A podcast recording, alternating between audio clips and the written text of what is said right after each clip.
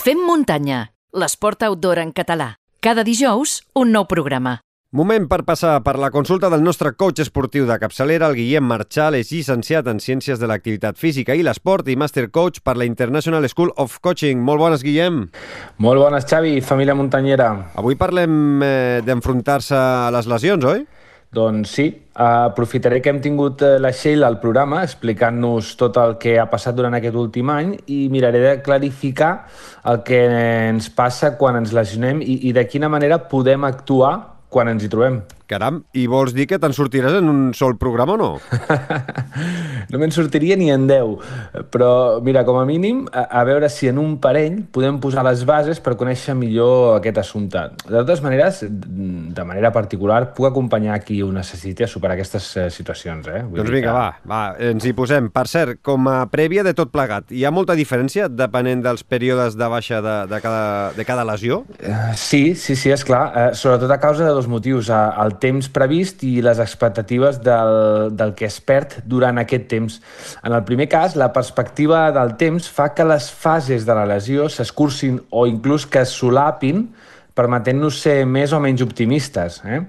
I en el segon cas tenim una millor acceptació del que significa una lesió si a nivell de competició no ens perdem res eh, significatiu per nosaltres. Per tant, una lesió de llarga durada tindrà unes fases molt més marcades i prolongades que les d'una lesió més curta. I alhora una lesió que et fas, ab eh, que et fas abans d'una competició tindrà unes fases molt més agudes que no pas si te les fas en un període no competitiu. Molt interessant, Guillem. I en quina fase creus que es troba ara mateix la Sheila Vilés després de tot el que ens ha explicat fa pocs minuts? Hmm. Uh, uh, bona pregunta. Doncs mira, jo crec que es troba en la fase de, de regeneració o, o, o també podria ser alliberament, perquè per la manera que l'he escoltat i per les frases que ha utilitzat, penso que ja s'ha tret tota, tota la pressió i està únicament enfocada en allò que, que és realment important, creant totes les condicions, això sí, perquè la recuperació sigui un fet, quan hagi de ser eh, el moment. Eh, ja no té una data límit ni demana un termini, simplement vol estar bé. Per, per tant, jo, jo crec que l'ubicaria en, en, en, en la que jo anomeno eh, resignació. Eh? Mm -hmm, perfecte. Llavors, entenc que aquestes fases es corresponen amb una mena d'escala presta, preestablerta, dir-ho d'alguna forma. Bé, no, no és que existeixi una escala a l'ús, eh, eh o un protocol d'actuació de moment, però sí que és cert que estic buscant testimonis per acabar de fer un estudi i publicar aquest mètode amb el seu protocol d'actuació. Fins que no estàs lesionat no te n'adones de lo realment fotut que és i, i de com t'arriba a afectar no només a nivell esportiu eh, eh, i de resultats eh, en general i econòmics en, en el cas de que siguis professional, sinó sobretot a nivell psicoemocional, que és el més difícil de controlar i de reconèixer. Així que fa un temps vaig decidir que si podia fer alguna cosa per acompanyar les persones que estan en aquesta situació i publicar alguna cosa perquè es sentin identificades i puguin reaccionar a temps, doncs, doncs fer-ho. Llavors, eh, aquesta classificació està basada una mica en aquesta experiència pròpia. Molt bé, Guillem, doncs em sembla una molt bona idea, perquè realment tens raó i crec que la Sheila també ho comentava en algun moment de, de la xerrada, que no saps lo bé que estàs fins que deixes d'estar bé, com diu el, el gran Pau Donés. I ens pots fer 5 cèntims cèntims de quines són aquestes fases? Per exemple, eh? una fase inicial. Mira, al principi de tot eh, tenim un, un bloc de fases que, que, on la primera fase, fase seria el craving, que és el moment en què et fas conscient de que ha passat o, o que et passa alguna cosa, tot i que no saps el què. Alguna cosa no rutlla i s'encenen les alarmes. Després, tot seguit vindria la fase de preocupació, de no saber exactament què és el que no va bé, i finalment estaria la negació, que és quan pretenem autoenganyar-nos convencent-nos de que no passa res. I a grans trets, Guillem, aquestes eh, serien les primeres reaccions davant, davant de qualsevol lesió? Ah, exactament. Eh, eh, es correspondria amb els primers moments de notar o tenir símptomes d'una lesió, ja sigui traumàtica o no. Perfecte. I a continuació, amb què ens hem, normalment amb què ens trobem? Mira, després es produeix un segon bloc on ens trobaríem amb la fase de diagnòstic, que és quan tenim eh, tant el diagnòstic com, com diu la seva paraula, eh, el seu nom, com un termini estimat de baixa. Després ens trobem la fase de relativització que ens fa treure l'importància de la lesió i a pensar que nosaltres tenim la capacitat d'escurçar terminis, per tornar abans. En aquesta fase, per exemple, ens fa molt mal tot allò que veiem per la televisió de tal persona que s'ha lesionat, que ha tornat en tant temps. Clar, eh, no, no som ni les mateixes persones, ni estem en les mateixes mans, ni en les mateixes cures, ni ens dediquem exclusivament a fer eh, bany i massatge i fisi tot el dia. Per tant, eh, vivim com una mica enganyats, per tant tenim a relativitzar-ho. I amb la fase final d'aquest bloc que seria la de realitat, que ens torna a posar al nostre lloc i ens fa donar-nos de, de, del que realment estem vivint. Mm -hmm, molt interessant, eh? Perquè sí, és veritat que sempre ens fem il·lusions quan estem lesionats i tendim a treure-li importància al que succeeix eh, en realitat. Clar, sí, sí. Però són il·lusions infundades i, i basades en les nostres expectatives i ganes de negar l'evidència. Eh? Us, aviam, us diré un secret. Fem muntanyeres i fem muntanyeros. Els metges en saben molt més que vosaltres i tenen moltíssima més experiència. Així que potser, potser, que els aneu fent cas. Això està claríssim, eh? I, i l'últim bloc, quines fases conté?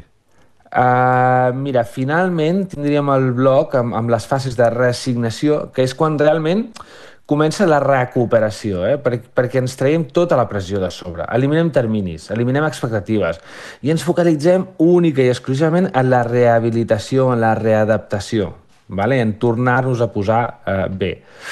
Eh, després tindríem la fase de recaiguda, ja sigui de la pròpia lesió o d'alguna altra associada a la primera, que és totalment necessària per calibrar on som i què necessitem per estar plenament recuperats eh, moltes vegades es produeixen lesions eh, que venen eh, degut a que el temps d'inactivitat, el temps de recolzar malament, el temps de fer un treball excessiu de, o massa poc treball en, ens genera alguna lesió que al final ens ve associada de la lesió prèvia que teníem. Aquí es produeix la fase de recaiguda. I per últim passarem per la fase de recuperació, que és quan recuperem les sensacions que ens fan sentir esportistes de nou. Entenc que sí o sí passem sempre per totes aquestes fases, eh, Guillem? Sí, sí, entens, entens bé. I, I moltes vegades repetim algunes fases perquè no consolidem cada fase i llavors eh, fem algunes passes enrere. Eh? Si mireu a, a, a molts esportistes, quan veieu que no s'acaba de recuperar de tal lesió, porta molt de temps, o el que la Sheila ens estava dient, no? que eh, després d'un any al final em trobo en aquesta situació, és a dir, allò que ella ja havia passat per aquestes fases torna enrere eh, perquè s'havia creat unes expectatives que no, ara no li són pròpies. Per tant, torna enrere té una recaiguda i llavors això la fa, la fa tornar a començar amb algunes fases prèvies. Avui superclar i superpedagògic, com sempre. Has deixat alguna cosa per la setmana vinent, Guillem, o ja ho has, tu has patat tot ara? No, no, no, no, i tant, i tant. Eh, no, no pateixis. De fet, avui us he fet 5 cèntims eh, d'una cosa molt, molt teòrica, o, o conceptualment bastant teòric, tot i que crec que s'entén molt bé, i, i els oients es podran sentir, i les oientes es podran sentir molt identificades, i la setmana vinent us ensenyaré un mètode, eh, el mètode dels 5 sentits, per fer front a les lesions, eh? per enfrontar-nos a quan tenim aquesta lesió. Esperarem amb candeletes eh? la propera sessió amb el nostre coach de capçalera. Eh, per cert, tens alguna eh, lectura recomanada aprofitant que demà és Sant Jordi o no?